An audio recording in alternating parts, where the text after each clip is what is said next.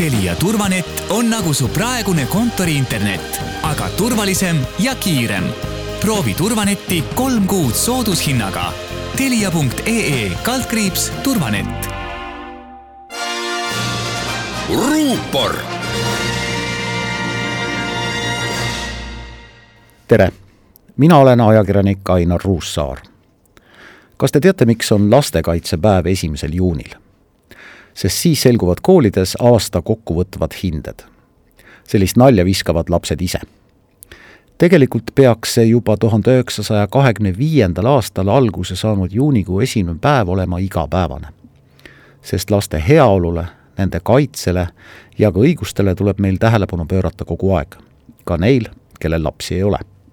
selle aasta alguses elas Eestis üle kahesaja viiekümne tuhande lapse kuiv statistika arvab nende hulka muidugi ka hilisteismelised, sest statistika mõõdab lasteks kõik alla kaheksateist aasta vanused inimesed.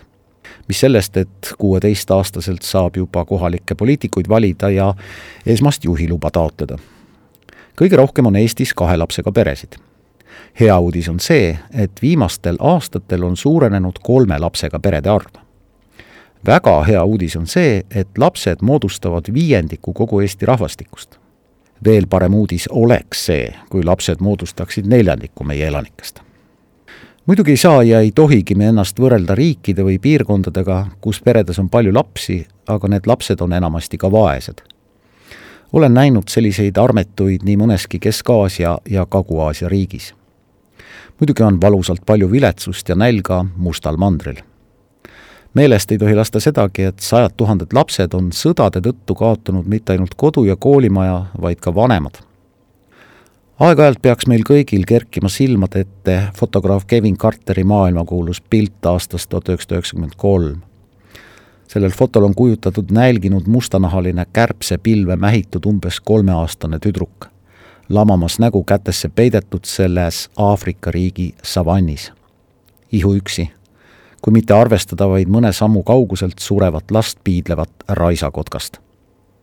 olete kindlasti kuulnud iroonilist ütlust, et laps on luksusese. kuiv statistika näitab aga muud, just lastega pered suudavad majandada kõige kokkuhoidlikumalt ja õnneks on vabale ajale tehtud kulutused lastega perede eelarves toidu, transpordi, eluaseme järel neljandal kohal normaalsel, piirangute vabal ajal tähendab see kino, muuseumi, teatrit, kontserti, sporti, hobisid, miks ka mitte lihtsalt sõpradega tšillimist, nagu noored ise ütlevad. olgu see kuiv statistika ka hoiatuseks kõigile poliitikutele, kes soovivad kärpida laste pealt ja laste arvelt. võtta raha ära näiteks huviharidusest. muidugi on peresid, kes elavad mitmekesi kahes toas muidugi on kahjuks peresid, kus koolilõuna võib olla lapse ainus soe söök päevas muidugi on puudust kannatavaid üksikvanemaga lapsi.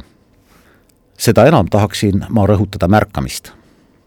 president Kaljulaid ütles lastekaitsepäeva puhul, et igaüks meist peab seisma hea selle eest, et lapsel ja noorel koolis, huviringis, trennis, kodus, poes, tänaval, kus iganes ta parasjagu aega veedab, on turvaline olla, nii vaimselt kui füüsiliselt.